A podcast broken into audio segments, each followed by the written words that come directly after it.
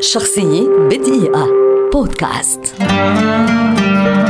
جاكي شان ممثل مخرج أفلام منتج ومغن صيني من هونغ كونغ ولد عام 1954 ويعد أحد أشهر وجوه السينما في العالم في العقود الأربعة الأخيرة. بدأ حياته المهنية من خلال الظهور في أدوار صغيرة حين كان طفلا وفي سن السابع عشر ظهر مع بروسلي كمؤدي مشاهد خطيرة في فيلم Fist of Fury وفيلم Enter the Dragon وحصل على دور البطولة الأول له في وقت لاحق من ذلك العام في فيلم Little Tiger of Canton لكن سنة 1978 هي السنة التي شهدت انطلاقة جاكي إلى العالمية إذ مثل في فيلم الكونغ فو الكوميدي a Love of Kung Fu and Snakes in the Eagle's Shadow. ومن هنا استمد طريقته الخاصة في التمثيل من حيث الكوميديا في القتال واستخدام الأسلحة المرتجلة والحركات البهلوانية المبتكرة ليمثل فيما بعد في The Drunken Master الذي لاقى نجاحا مذهلا لتكر بعد ذلك سبحة الأفلام الناجحة مثل Heart of Dragon Mr. Nice Guy Rush Hour Shanghai Knights Shanghai Noon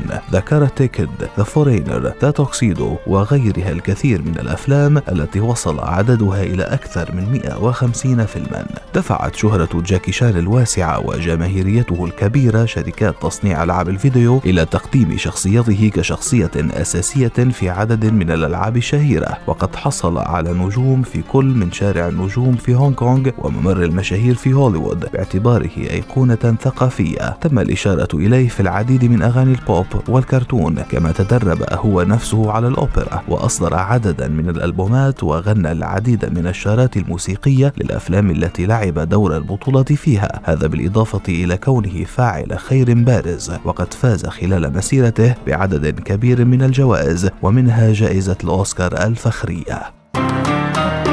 شخصية بدقيقة. بودكاست.